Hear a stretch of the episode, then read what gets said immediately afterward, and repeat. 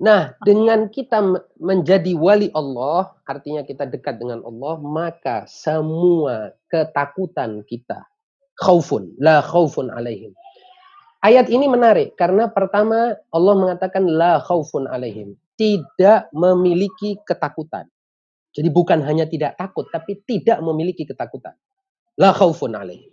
Mereka tidak pernah takut, tidak ada yang mereka takuti. Kenapa mereka tidak takut? Karena mereka yakin bahwa penolongnya adalah Allah Subhanahu wa taala, bahwa sahabatnya adalah Allah Subhanahu wa taala, bahwa yang dekat dengan dia adalah Allah Subhanahu wa taala. Jadi mengapa harus takut? Karena Allah pemilik segala sesuatu. Allah yang menguasai segala sesuatu. Allah lah yang menciptakan segala sesuatu. Allah yang tahu nasib segala sesuatu. Allah yang tahu masa lalu, masa kini dan masa depan. Jadi tidak perlu ada takut. Takut itu datang ketika kita tidak tahu. Benar bahwa manusia atau makhluk mana pun tidak akan pernah tahu sesuatu yang akan datang. Tetapi karena orang ini dekat dengan Allah dan Allah dekat dengan dia sedemikian sehingga menjadi wali dan wali dalam bahasa Arab itu anehnya atau uniknya di dalam bahasa Al-Qur'an kata wali ini itu bisa bermakna dua. Bisa bermakna hamba dan bisa bermakna tuan. Kenapa? Karena tidak ada tuan yang sejati kecuali memiliki hamba dan tidak ada hamba yang sejati kecuali selalu bersama tuannya. Hamba yang tidak memiliki tuan atau jauh dari tuannya adalah hamba yang sedang ingkar dengan tuannya atau sedang tidak menjalankan tugas tuannya. Hamba yang sebenarnya, hamba sahaya yang sebenarnya adalah hamba yang selalu menempel dengan tuannya. Sedemikian dalam bahasa Arab, kata wali atau kemudian masdarnya menjadi wilayah artinya adalah suatu kedekatan yang interaktif, kedekatan bilateral, kedekatan dari dua sisi. Bukan kedekatan salah satunya. Karena pada hakikatnya Allah selalu mengatakan bahwa aku ini dekat dengan kalian. Aku ini Allah selalu dekat dengan hambanya. Tapi masalahnya yang berbahaya atau masalahnya yang sering kali terjadi dan yang kenyataannya terjadi adalah bahwa hamba itu yang tidak dekat dengan Allah. Hamba itulah yang menciptakan hijab-hijab sedemikian sehingga dia jauh dari Allah dan tidak pernah bisa dekat dengan Allah dan perasaannya selalu jauh dari Allah. Perasaannya rahmat Allah itu jauh. Perasaan dia adalah bahwa Allah itu tidak pernah menjawab dia. Perasaan dia adalah bahwa Allah tidak pernah mendengar tangisan dia, tidak pernah mendengar keluhan dia. Perasaan ini datang dari mana? Perasaan ini datang dari dosa. Perasaan ini datang dari tidak adanya makrifat tentang Allah Subhanahu wa taala. Perasaan ini juga datang dari syirik. Apakah syirik itu tentunya bertingkat-tingkat, yaitu syirik yang paling rendah adalah syirik menyekutukan Allah, menyatakan bahwa ada dua penguasa di alam. Ada dua pencipta atau tiga pencipta atau empat pencipta. Ada dua atau tiga atau empat atau lima atau berapapun penguasa selain Allah Subhanahu wa taala. Ketika syirik itu menghinggapi jiwa seorang, maka dia akan merasa jauh dengan Allah yang Maha Tunggal yang Al-Ahad As-Samad itu. Jadi, pada hakikatnya kedekatan dengan Allah hanya bisa didapatkan dengan makrifat yang benar tentang Allah Subhanahu wa taala. Apabila sudah manusia dekat menjadi wali Allah, maka Allah telah mengatakan Allah mengatakan la khaufun alaihim wala hum Mereka kemudian bukan hanya tidak takut, tetapi yang menarik dalam ayat dalam kalimat berikutnya Allah mengatakan walahum yahzanun. Di sini Yahzanun itu dalam bahasa Arab artinya fi'il mudhari. Artinya bukan hanya mereka tidak memiliki ketakutan, mereka juga tidak pernah merasakan huzun. Huzun itu sedih. Itu tadi bahasanya eh, saat pembukaan itu disebut sebagai anxiety, kecemasan. Huzun itu sesuatu yang datang ketika orang merasa kalah, merasa tersingkir, merasa tak mendapatkan apa yang dia inginkan. Maka timbul huzun merasa apa yang dia cita-citakan atau ekspektasi dia tidak pernah ada. Jadi ekspektasi versus realitas. Jadi realitas dia di mana, ekspektasi dia di mana. Gap inilah yang menciptakan huzun. Semakin jauh gapnya, semakin huzunnya itu semakin tinggi. Jadi kalau kita mengharapkan A, B, C, D, E, F, G, H, I, J, sementara kenyataannya itu sama sekali tidak ada dalam urutan itu, maka kita akan merasakan huzun, kesedihan, kalau terjemahan bahasa Indonesia-nya biasa disebut kesedihan, tapi lebih tepatnya mungkin kecemasan atau kegelisahan, maka huzunnya atau kegelisahannya akan sangat tinggi. Nah, orang yang dekat dengan Allah tidak akan merasakan itu sama sekali. Mereka tidak akan pernah merasakan bahwa apa yang dia inginkan tidak ada. Tidak pernah. Kenapa? Karena dia merasa bahwa Allah selalu bersama dia. Oleh sebab itu Imam Husain di dalam doa Arafah mengatakan, Mada faqadaman wajadak wa mada wajadaman faqadak. Apa sih yang bisa diraih atau didapatkan orang yang kehilanganmu ya Allah? Dan apa yang akan apa yang dirasakan hilang bagi orang yang telah mendapatkanmu? Tidak ada. Nah, kalau orang tidak pernah merasakan ada yang hilang dan semuanya sudah dia dapat karena dia mendapatkan yang maha sempurna, maha penguasa, maha mengetahui, maha pengasih lagi maha penyayang, maka hatinya akan penuh. Hatinya akan diisi dengan apa yang lebih daripada sekedar kebahagiaan. Itulah yang dalam uh, doa kumel kalau kita ingat disebutkan apa? Wa ta'atuhu ghinan. Insyaallah semua kita masih ingat doa kumel. Ketika Allah mengatakan wa ketika doa ini mengatakan uh, Amirul Mukminin yang diajarkan oleh uh, Nabi Khidir mengatakan wa ta'atuhu ghinan. Artinya ketaatan kepada Allah itu adalah kekayaan. Maksudnya kekayaan ini bukan kekayaan materi. Kalau kekayaan materi itu justru kemiskinan sebetulnya. Ya, kalau dalam pembahasan makrifat, ilmu makrifat, kekayaan materi itu kemiskinan. Kenapa? Karena kekayaan itu memperbudak kita. Kalau tidak punya benda itu kita jadi miskin kan begitu. Tapi yang dimaksud dengan potongan doa ini adalah ketaatan kepada Allah akan menimbulkan suatu kekayaan yang ada di dalam diri kita. Kekayaan berupa suatu kepuasan, suatu tadi itu ketiadaan atau hilangnya ketakutan dan kegelisahan. Berarti hatinya sudah dipenuhi dong. Bahkan bukan hanya hatinya, eksistensinya dipenuhi oleh sesuatu. Yaitu dipenuhi oleh zat rahmaniyah, rahimiyah, jamaliyah, jalaliyah Allah subhanahu wa ta'ala. Dan itulah yang akan menyebabkan orang tidak memiliki kegelisahan sama sekali. Ketakutan akan hilang sama sekali dari diri. Dan orang seperti ini, dia akan melangkah dalam kehidupan di dunia ini dengan penuh kehusuan. Tidak pernah, kalau istilah bahasa Jawanya, tola-tole. Tidak pernah tengok kanan, tengok kiri. Melihat, orang itu kok sudah dapat ini ya, orang itu kok begini ya, orang itu kok begini. Tidak ada. Karena dia bersama Allah Subhanahu wa Ta'ala. Coba sekarang kita berikan ilustrasi sederhana.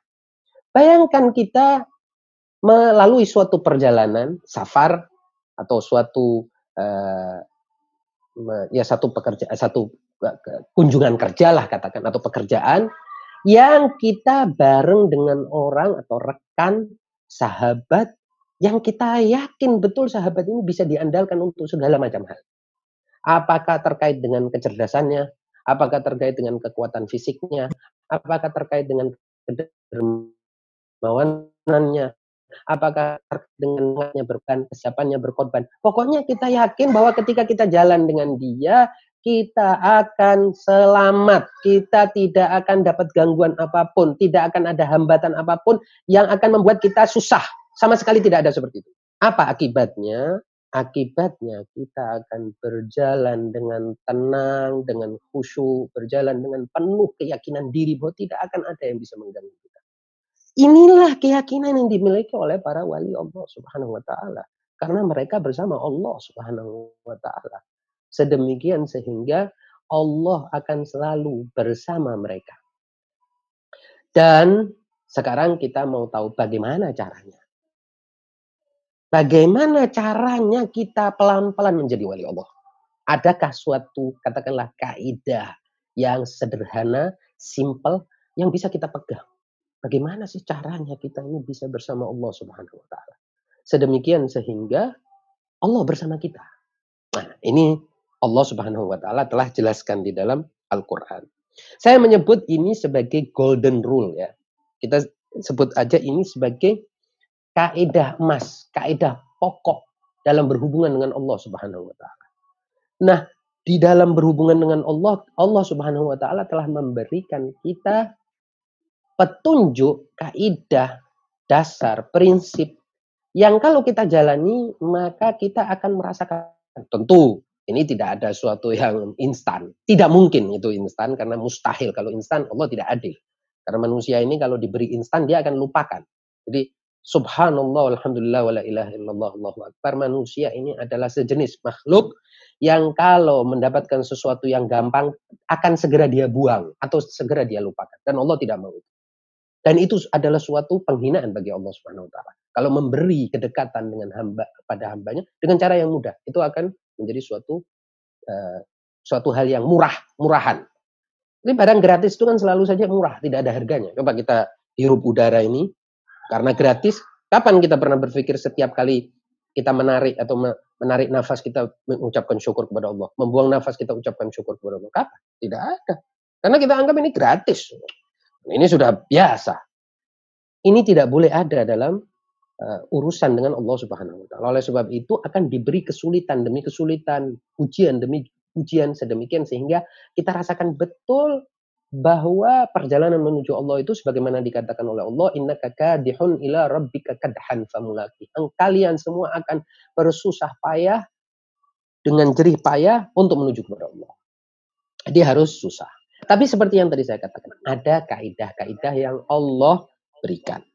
Nah, kaidah ini bisa kita jadikan patokan. Ada beberapa ayat yang menurut saya sangat menarik yang menunjukkan tadi itu uh, yang meringkaskan lah katakan uh, kaidah bagaimana dekat dengan Allah Subhanahu wa taala. Bagaimana menjadi kekasih Allah Subhanahu wa taala. Yang pertama adalah dalam surah Al-Baqarah ayat 153.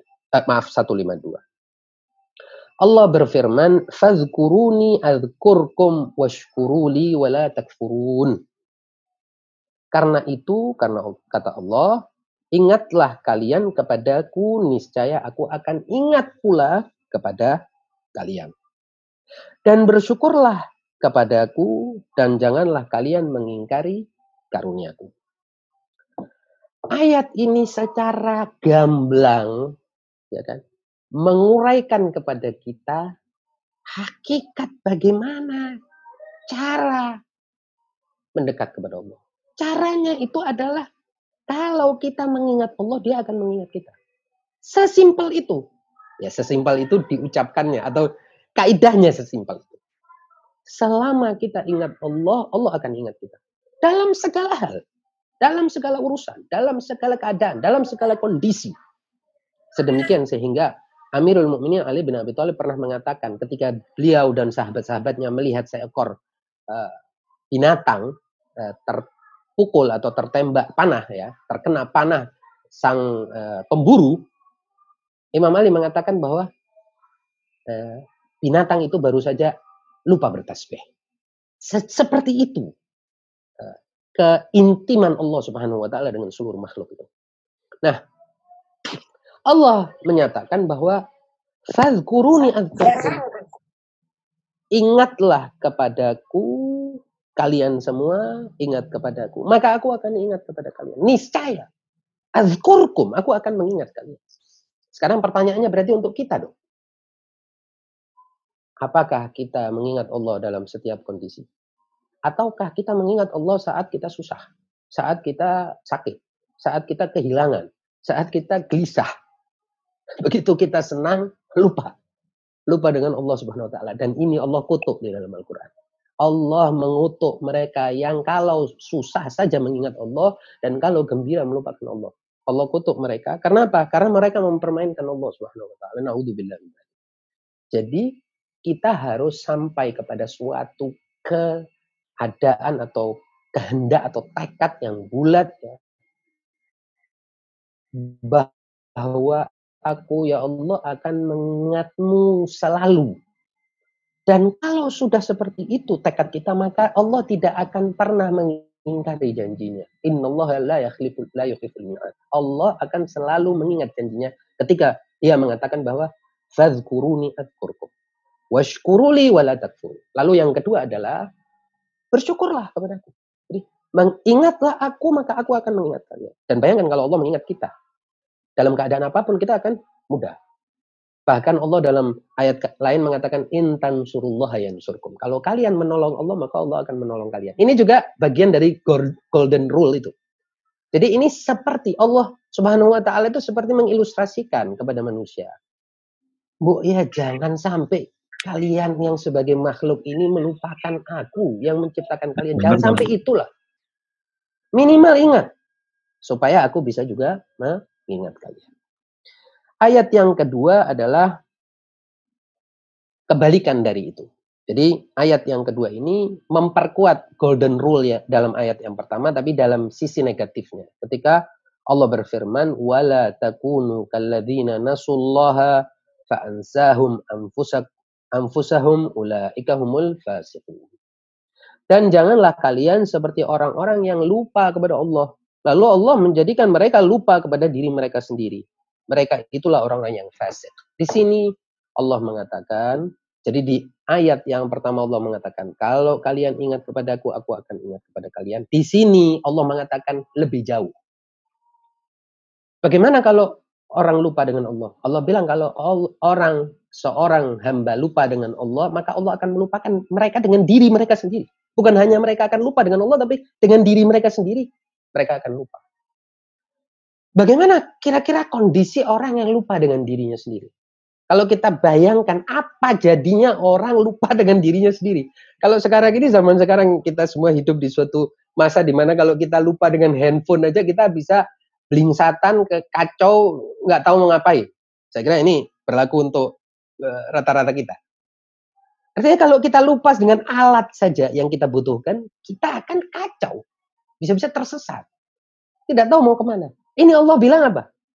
Jangan kalian lupakan Allah. Kalau kalian lupakan Allah, maka Allah akan melupakan kalian dengan diri-diri kalian. Bayangkan manusia berjalan, tubuhnya berjalan di bumi ini, tapi lupa dengan dirinya. Ini seperti, maaf ya, kalau istilah sekarang ini zombie-zombie yang hidup dan tidak tahu mau ke mana.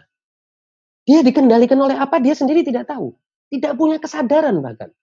Tidak punya perasaan. Tidak tahu apa yang harus dipikirkan. Tidak tahu apa yang harus dikonsepkan. Tidak punya tujuan. Inilah yang Allah bilang.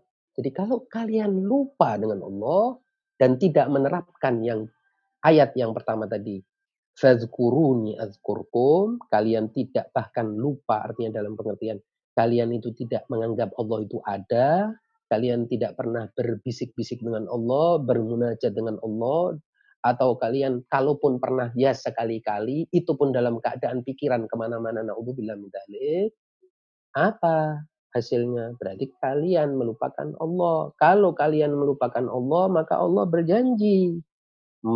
Orang-orang itu Allah akan lupakan dengan diri mereka sendiri. Orang yang telah dilupakan oleh Allah tentang dirinya sendiri tidak akan pernah hidup dalam keadaan normal. Normal dan waras saja tidak pernah. Karena definisi waras menurut Al-Quran, nanti mungkin kita bisa bahas pada kesempatan lain, waras itu adalah takwa. Takwa itu orang yang waras dalam definisi agama. Jadi Orang yang tidak waras artinya orang yang tidak tahu. Tidak tahu tujuan hidup, tidak tahu bagaimana rasanya. Tidak mau tidak punya perasaan. Dan dia hanya bisa dicekoki, mohon maaf, hanya bisa dikendalikan oleh nafsu dan iblisnya. Setannya. Jadi dia seperti benda saja, benda yang diremut dari jauh. Dia sendiri tidak tahu mau ke mana. Dia marahnya bukan marah dirinya. Senangnya bukan senang dirinya. Bencinya bukan benci dirinya, cintanya bukan cinta dirinya. Karena lupa dengan dirinya. Dirinya sendiri dia nggak tahu ditaruh di mana. Pada saat apa? Pada saat mereka melupakan Allah Subhanahu wa taala. Nauzubillahi min dzalik. Orang seperti inilah yang di dalam Al-Qur'an disebut sebagai fasik. Fasik itu asal katanya harfiahnya artinya adalah rusak. Jadi kalau tanaman kalau istilah dalam bahasa Arab tanaman yang tidak bisa dipanen itu fasik. Fasakah. Sesuatu itu pusung kalau bahasa Jawa. Kalau bahasa Indonesia mungkin juga uh, rusak ya. Tanaman yang busuk. Orang busuk itu orang yang di dalam dirinya ini sendiri sudah tidak ada kemanusiaan. Nggak, nggak tahu apa, ya kesetanan. Ini Allah bilang, kenapa alasannya? Karena mereka melupakan Allah Subhanahu wa. Berikutnya adalah ayat ketiga Wa qala rabbukum ud'uni astajib lakum. Innal ladzina yastakbiruna an ibadati sayadkhuluna jahannama dakhirin. Allah di sini merangkum atau memperkuat tadi yang saya bilang sebagai golden rule dalam uh, ma'rifatullah, dalam kedekatan dengan Allah dengan mengatakan dengan berfirman dan Tuhanmu berfirman Berdoalah kepadaku, niscaya akan ku ijabah dan ku jawab dan ku perkenankan doa. Kembali Allah mengingatkan kepada kita. Apa? Sesungguhnya orang-orang yang menyombongkan diri dari ibadah kepadaku akan masuk neraka jahanam dalam keadaan hina dia. Nah, ayat ini memperkuat dua ayat sebelumnya yang ingin mengatakan bahwa Coba wahai manusia, engkau berdoa kepadaku. Mintalah kepadaku. Ketuklah pintuku. Niscaya akan aku jawab. Pertanyaannya buat banyak orang mungkin ya Allah, saya ya saya sudah sering berdoa kepada Allah tapi Allah tidak mengabulkan dan tidak mengijabah. Artinya apa ini? Artinya dia mau menggugat Allah Subhanahu wa taala. Berarti kembali ke ya ayat pertama tadi. Loh, nggak ingat Allah Subhanahu wa taala yang memberi kamu semua ini. Nggak ingat bahwa kamu ini tadinya bukan apa-apa, bukan siapa-siapa. Lam yakun syai'an madhkura. Engkau kan sebelum ini kan barang yang tidak ada. Kemudian Allah adakan, kemudian engkau Allah beri kekuatan, kemudian kau jadi dewasa, kemudian yang sebelumnya kamu tidak bisa jalan jadi bisa jalan. Sebelumnya kamu tidak bisa ditinggal oleh ibumu, sekarang bisa ditinggal oleh ibumu. Yang sebelumnya kamu tidak bisa makan sendiri, bisa makan sendiri. Ini, ini, ini. Loh kok sekarang tidak diijabah menurut kamu apa yang kamu inginkan terus kamu mau menggugat Allah Subhanahu wa taala ini berarti tidak ingat Allah Subhanahu wa taala. Kembali ke aturan yang pertama, apa ayat yang pertama. Jadi aturan ini golden rule ini tadi meringkaskan kepada kita cara kita memakrifati Allah Subhanahu wa taala. Dan hanya dengan cara inilah kita bisa melangkah dalam perjalanan kita menuju Allah Subhanahu wa taala. Dan kalau kita sudah menuju itu, jadi nggak usah berpikir sudah sampai di mana, nggak. Begitu kita keluar dari rumah kebodohan itu, katakanlah ya, atau dari sangkar kelalaian, begitu kita keluar dari penjara lah kita sebut penjara kelalaian menuju Allah Subhanahu wa taala pada saat itu juga kita akan Allah hilangkan dari kegelisahan, ketakutan, dan seluruh kesedihan kita, penyakit kita. Inilah yang di dalam tema ini kita sebut sebagai obat segala penyakit. Jadi semua kekurangan kita, cacat kita, kekurang, uh, ke apa, keburukan kita akan hilang pada saat kita bertekad keluar dari rumah ghaflah, rumah kelalaian, dari penjara kelalaian ini menuju Allah Subhanahu wa taala. Dan sebelum mengakhiri uh, kan ini nanti tema insya Allah kita akan kaji secara uh, secara ber, anu ya ber, berangkai ya terangkai dengan dua kajian selanjutnya meskipun kita mix saja semuanya nanti kita jadiin bahan yang apa tema-tema ini jadi tema yang tidak uh, tidak terlalu sistematis karena tidak ada waktu untuk sistematika. Nah, sebelum saya akhiri uh, kajian ini, saya ingin me melengkapi doa apa bagaimana manusia berdoa kepada Allah Subhanahu wa taala. Doa ini Allah mengajarkan doa-doa di dalam Al-Qur'an. Dan kalau kita baca doa-doa di dalam Al-Qur'an dan juga di dalam eh, teks-teks uh, dan buku-buku Ahlul Bait alaihimussalam, doa-doa itu sebetulnya juga makrifat Allah, pengenalan terhadap Allah. Doa-doa itu berisi bagaimana seorang hamba berhubungan dengan Allah dan bagaimana seorang hamba itu merasakan lezatnya kedekatan dengan Allah Subhanahu wa taala. Lezatnya berhubungan dengan Allah Subhanahu wa taala. Doa-doa ini ibaratnya adalah uh, hikmah-hikmah yang datang dari Allah untuk mengetuk hati manusia, membuka hati manusia dan mengisi dia dengan ma'rifat Allah supaya dia bisa siap dekat dengan Allah Subhanahu wa taala. Sedemikian sehingga jangan merasa kecil hati, apalagi sok menggugat kalau ada kita berdoa yang isinya keinginan kita lalu Allah tidak ijabah. Karena apa? Karena banyak sekali keinginan kita itu sebetulnya justru buruk dan betul-betul memerosokkan kita kepada kehancuran. Keinginan kita belum tentu sesuatu yang baik. Ketika kita doa kepada Allah Subhanahu wa taala, itu kita harus lebih percaya daripada bayi ketika nangis memanggil ibunya. Harus lebih percaya dari itu. Karena coba bayangkan, bayi itu menangis kan ibunya bisa interpretasinya macam-macam. Karena boleh jadi ini, mohon maaf, uh, minta ASI. Boleh jadi dia juga ngantuk. Boleh jadi juga pempesnya kotor. Boleh jadi, boleh jadi perutnya sakit, kepalanya sakit, uh, ada uh, apa namanya, misalnya ada semut yang menggigit, apa saja. Tapi bagaimana bayi itu yang tidak bisa mengungkapkan keinginannya cuman hanya menangis, dia yakin ibunya akan paham. Dan bagaimana kita minta kepada Allah tiba-tiba kita menggugat. Nah inilah mengapa kadang-kadang orang yang berdoa itu Allah justru tidak suka. Karena seperti menuntut, memaksa Allah subhanahu wa ta'ala. Sesuatu yang Allah pastinya lebih tahu apa kepentingan kita, apa kebutuhan kita. Nah ini yang pertama, adab doa. Jadi adab doa itu kita jangan uh, menggugat, berprasangka macam-macam ketika kita tidak mendapatkan apa yang kita inginkan. Itu yang pertama. Yang kedua adalah mengikuti doa seperti yang diajarkan oleh Allah Subhanahu wa taala dalam Al-Qur'an maupun dalam uh, ajaran Ahlul Bait yang indahnya luar biasa, yang luar biasa juga dalam maknanya. Yang ketiga, jangan mengubah doa-doa itu.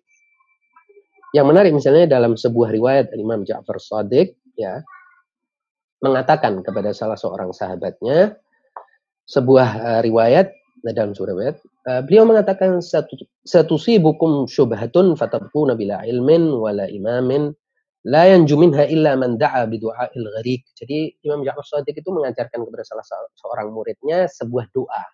Tapi sebelumnya Imam Ja'far Shadiq mengatakan bahwa kalian akan uh, berada di suatu syubha atau kalian akan terkena suatu syubha. Syubha itu apa? Syubha itu ketidakjelasan.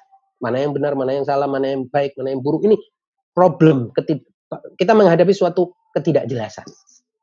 Nah, Imam Jafar Sodik mengatakan kalian akan akan tertimpa ketidakjelasan itu. Suatu zaman kapan saja ya eh, akan tertimpa itu. Sedemikian sehingga kalian tidak punya pengetahuan untuk melihat, memprediksi, meramalkan apa yang akan terjadi, mengetahui apa yang terjadi, tidak punya. Juga tidak ada imam, tidak ada imam yang membimbing, memberi petunjuk dan seterusnya tidak akan kata Imam Ja'far Sotik uh, selamat dari ketidakjelasan itu dari kondisi membingungkan itu kecuali mereka yang berdoa dengan doa orang yang tenggelam. Karam. Al gharik itu orang yang tenggelam. Orang yang sedang tenggelam di laut maupun di kali atau sungai dan lain sebagainya. Lalu Imam lalu sahabatnya bertanya e, dan apa itu doanya orang yang tenggelam? Imam Ja'far Sadiq mengatakan, Taqulu ya Allah, ya Rahmanu, ya Rahim, ya Muqallibal Qulub, tabbit qalbi ala dinik. Ya Allah, yang artinya Ya Allah, yang maha pengasih, lagi yang maha penyayang, wahai yang membolak-balikkan hati, teguhkanlah hatiku dalam agamamu. Kemudian sahabat itu bertanya, atau mengatakan ya, jadi sahabat itu seperti ingin mengkonfirmasi sesuatu. Beliau eh, sahabat itu berkata, "Ya muqallibal qulubi wal absar, tsabbit qalbi ala dinik." Ya, jadi dia mengubah redaksi doa dari Imam Ja'far Shadiq itu menjadi redaksinya sendiri yaitu yang mengatakan ya muqallibal qulubi wal absar. Wahai yang membolak-balikkan hati dan mata. Tsabbit qalbi ala dinik. Teguhkanlah hatiku pada agamamu. Maka Imam Ja'far Shadiq menegur, Inna Allah Azza wa Jalla muqallibal qulubi wal absar. Benar bahwa sesungguhnya Allah itu yang membolak-balikkan hati dan mata. Walakin qul. Tapi katakanlah. Kalau aku ajarkan, katakanlah apa yang aku ajarkan ini, redaksi ini. Qul. Kama akulu. Tapi katakan, sebutkan, ucapkan seperti yang aku katakan. Ya muqallibal qulubi, sabit qalbi ala Jadi jangan diubah-ubah, ditambang seolah-olah kita mau lebih hebat daripada imam. Nah, nggak bisa. Ajaran ya kita ikuti sudah begitu karena uh, Syekh Hasan Zadi Amuli pernah mengatakan bahwa uh, doa-doa ahlul bait ini, amalan-amalan apa pun itu ya, semua yang datang dari agama ini, datang dari Allah dan Rasul dan ahlul bait ini, ini seperti peta. Jadi jangan ada orang memberi Anda peta, oke, okay, di dalam peta itu ditulis misalnya 50 meter belok kanan. Setelah itu 25 meter belok kiri, terus kita bilang 50 meter terlalu sedikit, tambahlah 100 meter lah. Loh, malah ke tempat lain. Jangan begitu. Jadi jangan lebih antusias melakukan sesuatu lebih daripada yang mengajarkan dan yang tahu jalan-jalan dan peta-peta. Jadi uh, ini kan tadi ayat yang saya sebutkan intan surullah yang surkum itu dalam kaitan atau dalam konteks golden rule ya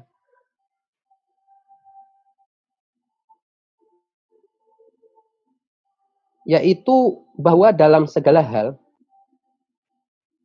Allah Subhanahu wa taala itu memperlakukan kita seolah-olah seolah-olah. Ini seolah-olah yang tashbih ya. Nanti dalam ilmu ma'rifat dijelaskan apa itu tashbih, apa itu tanzih. Mungkin bukan kesempatan sekarang. Saya sekarang ini cuma mau menghindari teori dan konsep-konsep yang terlalu berat. Jadi Allah Subhanahu wa taala kadang-kadang itu mengumpamakan.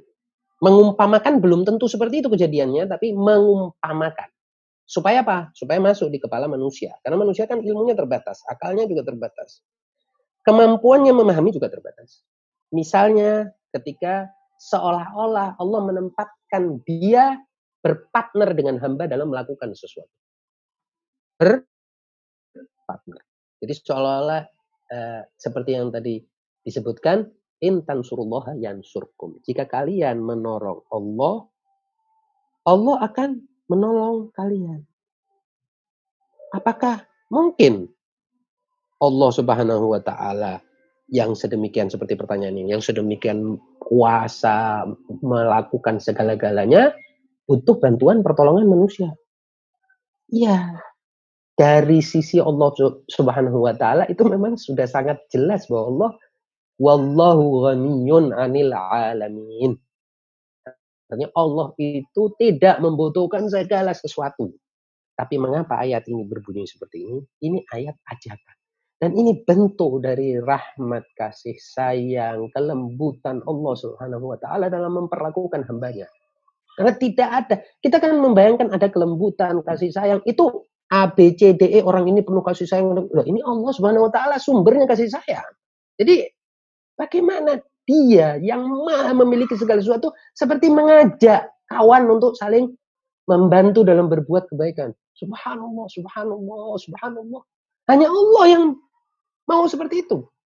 Menurunkan, mohon maaf ya, menurunkan seolah-olah derajat kekuasaan yang tidak terbatas itu sedemikian sehingga jadi partnernya manusia dalam berbuat baik. Raja aja nggak mau begitu.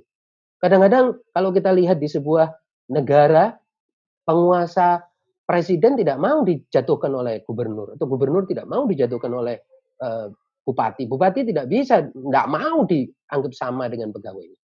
Tapi Allah Subhanahu wa taala beda dengan segala penguasa yang lain. Dan di sini salah satu maknanya, itu tadi saya bilang. Makna Allah itu mengajak kita untuk sama-sama. Seperti yang tadi saya sebutkan. Wadhkur, eh, eh, apa? Tadi ayatnya uh, yang dalam surat maaf uh, Fadhkuruni azkurkum. Ingatlah kepadaku, aku akan ingat kepada kalian. Jadi meminta kerjasama. Subhanallah, subhanallah. Ini ini Allah Subhanahu wa taala. Ini Allah kita. Ini bagian dari makrifat. Itu Allah maunya begitu. Dalam ayat lain, dalam suatu peperangan, ya, ketika Allah Subhanahu wa taala men, menjelaskan tentang suatu peperangan kepada Rasul, itu Allah mengucapkan sesuatu yang indah sekali. Tapi bukan mungkin bukan tempatnya di sini kita jelaskan, tapi sekedar saya sebutkan aja ayatnya karena terlalu indah. Allah Subhanahu wa taala mengatakan wa ma ramaita idza ramaita walakin Allah rama. Wahai Nabi, engkau wa ma ramaita. Engkau tidak melempar itu panah. Idh ramaita pada saat engkau melempar. Tetapi Allah lah yang melempar. Walakin Allah rama. Tapi Allah yang melempar. Eh, ini bagaimana ini? Pada saat yang pertama Allah menegasikan. Bukan kamu ya yang melempar. Wa ma ramaita. Engkau tidak melempar wahai Nabi. Idh ramaita. Pada saat engkau melempar. Berarti kan di sini dia mengafirmasi. Jadi di sini dia menafikan. Di sini mengafirmasi Walakin Allah rama, tapi Allah lah yang melempar.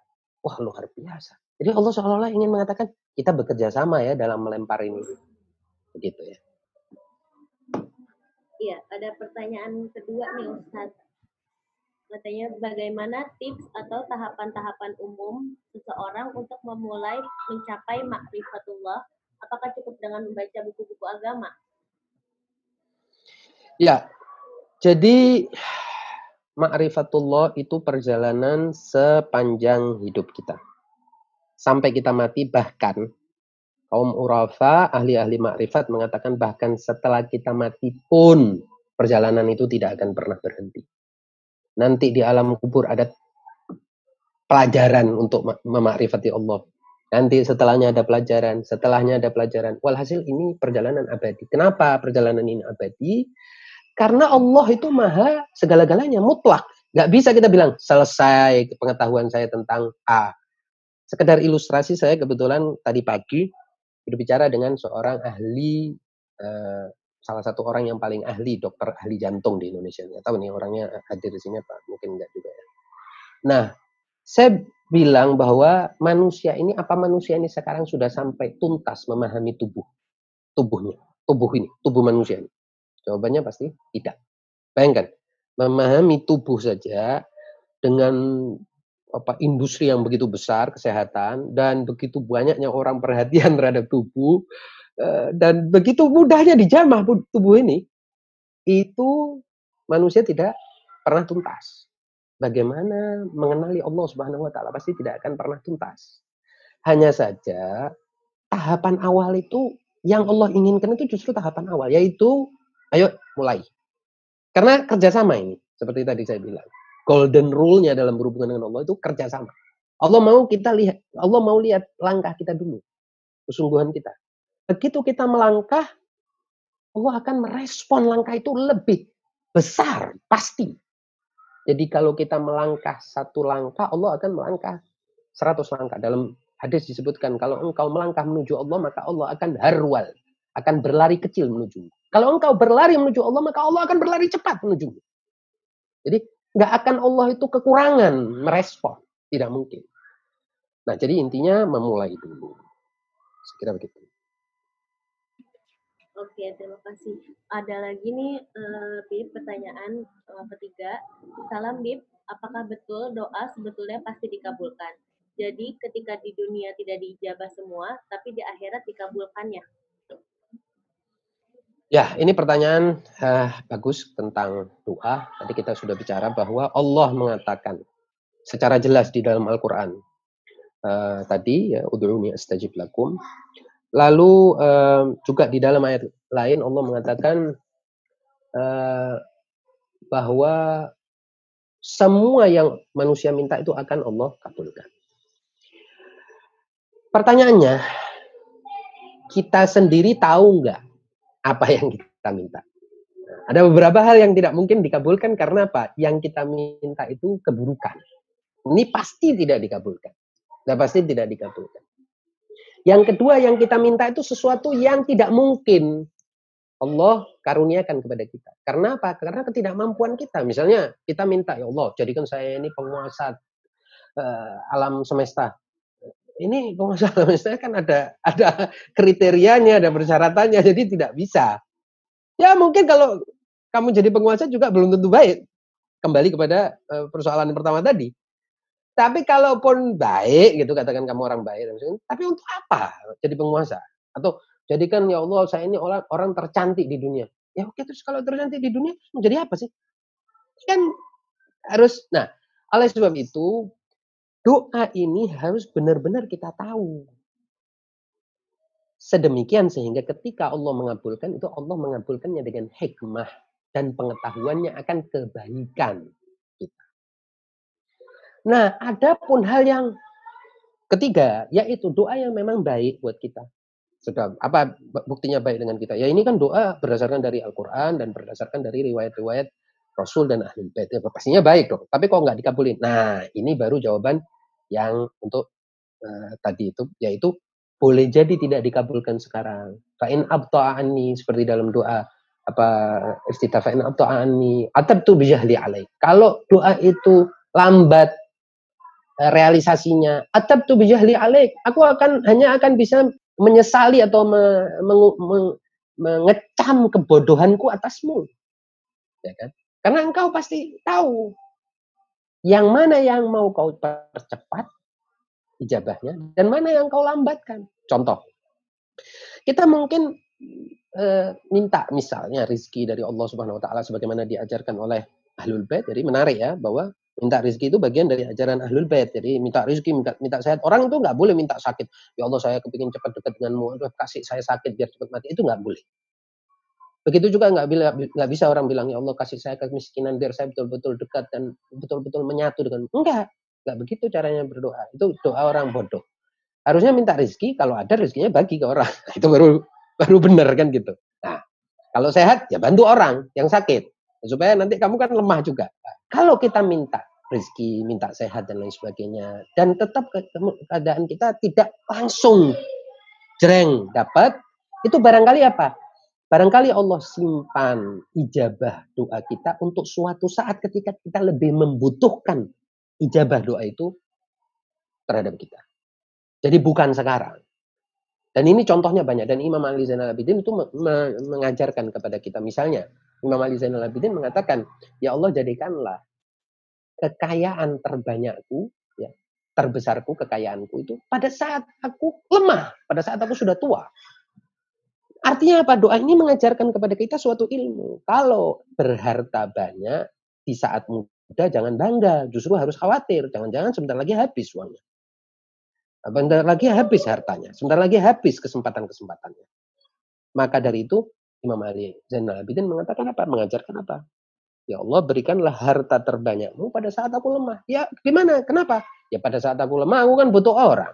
Kalau aku butuh orang, aku harus mungkin membayar orang itu, harus memberi orang itu. Kesibukan orang itu harus aku gantikan dengan hartaku dan lain sebagainya. Saya kira begitu ya. Pertanyaan selanjutnya, Salam Ustadz, saya ingin bertanya soal kekayaan materi adalah kemiskinan bagi ilmu makrifat. Sementara saya pernah diajarkan bahwa kita harus kaya dari semua sisi, kaya ilmu, kaya materi, dan lain-lain. Dan maksudnya, kemiskinan dari ilmu makrifat bisa dijelaskan lebih detail, Ustadz? Oke. Jadi begini. Kekayaan hakiki itu adalah kekayaan yang datangnya dari dalam diri kita. Ya, ingat ya. Datangnya dari dalam diri kita. Bukan kekayaan yang di luar diri kita. Kalau kekayaan itu di luar diri kita, berarti pada saat harta atau kekayaan itu tidak di dekat kita, kita jadi apa dong? Miskin. Berarti hakikatnya kita miskin. Maka dari itu orang dalam kenyataan hidup, kalau orang semakin banyak butuh pada benda, semakin lemah dia. Misalnya, dia butuh seperti saya butuh pada kacamata, ya berarti matanya lemah. Butuh kepada tongkat, berarti kakinya lemah. Butuh pada kendaraan, berarti kakinya juga lemah. Butuh pada ini, butuh pada ini, butuh pada ini, berarti kelemahan-kelemahan dirinya semakin banyak. Sebaliknya, orang yang tidak membutuhkan sesuatu berarti ada kekayaan di dalam dirinya. Itulah yang hakikatnya kekayaan. Jadi dalam di dalam dirinya ada daya-daya yang sudah teraktualisasi sehingga dia tidak butuh kepada apa pun. Di situlah Rasul Shallallahu Alaihi Wasallam mengajarkan kepada kita dalam sebuah hadis yang kadang-kadang kontroversial, Allahumma ja'alni miskinan wa amitni miskinan wahsyurni ma'al masakin. Jadi ya Allah jadikanlah aku orang miskin uh, apa namanya bers hidup bersama orang miskin dan nanti dibangkitkan bersama orang miskin. Maksudnya orang miskin ini apa? Orang yang kaya dari dalam dirinya tapi miskin dalam pandangan orang. Karena banyak ya orang itu kelihatannya dia, kita anggap miskin padahal dia lebih kuat fisiknya dari kita, dia tidak dia lebih tidak uh, tidak mudah nangis, tidak cengeng, tidak mudah mengeluh, tidak pernah uh, susah, selalu bahagia, mudah memberi, mudah. Kenapa? Karena dia tidak merasa benda-benda di sekitar lah yang memperkaya dia, tapi apa?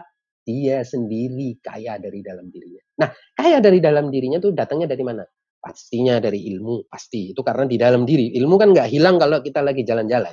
Ilmu kan bersama kita, bukan kita taruh di kulkas atau di bank. Ilmu ada di dalam diri. Juga makrifat, nah itu yang paling penting sebetulnya. Makrifat Allah, ilmu yang paling penting kan ilmu, tentang Allah Subhanahu. Itu kalau kita punya itu, tentunya kita akan kaya. Lalu juga spiritualitas. Kalau kita sudah biasa suluk, riyadhah, kita biasa seperti ibadah puasa ini, ini ibadah memperkaya diri, jangan salah. Ini ibadah kalau dalam bahasa Ibn Arabi, ibadah ini kan tafsir saum itu dalam menurut Ibn Arabi apa? As-saumu itu secara harfiah artinya adalah dua. Pertama, menahan diri dari perbuatan, al-kafu anil fi'li. Dan yang kedua adalah al-irtifa atau ar-rif'ah, yaitu menaikkan diri kita. Jadi kalau kita tidak makan, kata Ibn Arabi, artinya kita mengurangi sesuatu yang harusnya masuk, berarti kita apa? Mencari makanan dari dalam ruh kita. Ketika kita mencari makanan dari dalam ruh kita, kita mengaktualisasikan asupan-asupan yang sumbernya adalah diri kita sendiri. Ini panjang ya, tapi intinya kita menjadi kenyang dengan sesuatu yang di dalam meskipun kita lapar dari asupan yang ada di luar kita. Itu berarti kaya dalam pengertian yang sebenarnya. Ini pertanyaan yang terakhir mungkin ya teman-teman. Eh, salam Ustadz, konkretnya dalam kehidupan sehari-hari mengingat Allah itu yang bagaimana Ustadz? Apakah berzikir ataukah kesadaran dalam tiap tindakan kita atau bagaimana Ustadz? Afwan. Ya, pertanyaan yang bagus banget, uh, luar biasa. Uh, mengingat Allah itu harus dengan segenap dimensi kita. Tidak boleh hanya salah satunya. Jadi tidak boleh kita hanya berzikir dengan mulut, pada kenyataannya hati kita lalai.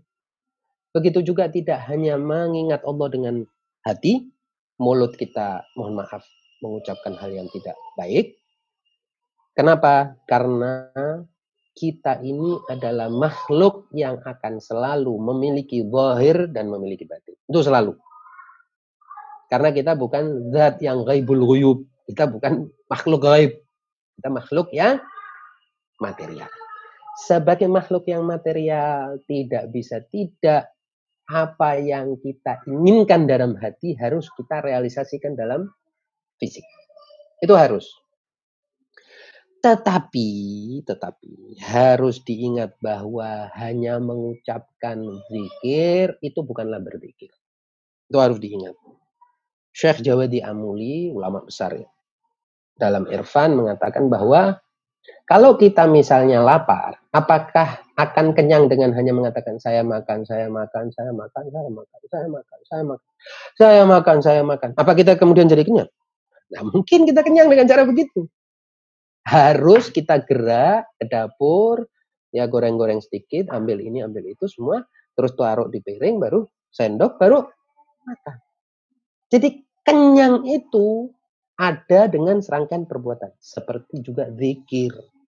Zikir tidak bisa dengan subhanallah, subhanallah, subhanallah. Padahal kita pikirannya tempat lain, fulan saya, saya ini belum ini, ini tagihan besok ini, besok lusa saya harus buka toko, besok lusa ini mobil harus servis, ini besok lusa ini gini, besok gini, hari ini begini, anak-anak gimana ya ini. Terus yang diingat siapa? Bagaimana bisa menyebut diri telah mengingat Allah Subhanahu wa taala sementara dalam kondisi seperti itu. Jadi harus antara fisik manusia dengan hatinya ini harus nyambung. Itulah makna dari apa yang disampaikan oleh Imam Humaini dan ahli-ahli makrifat lain dalam adab sholat, kehadiran kalbu. Kehadiran kalbu itu artinya apa? Kalbunya harus hadir. Kalau kalbunya nggak hadir, ya ini compang-camping. Ibadahnya itu seperti itu tadi, ibadah ke kerangka fisik aja. Dan itu tidak akan diterima oleh Allah Subhanahu wa taala.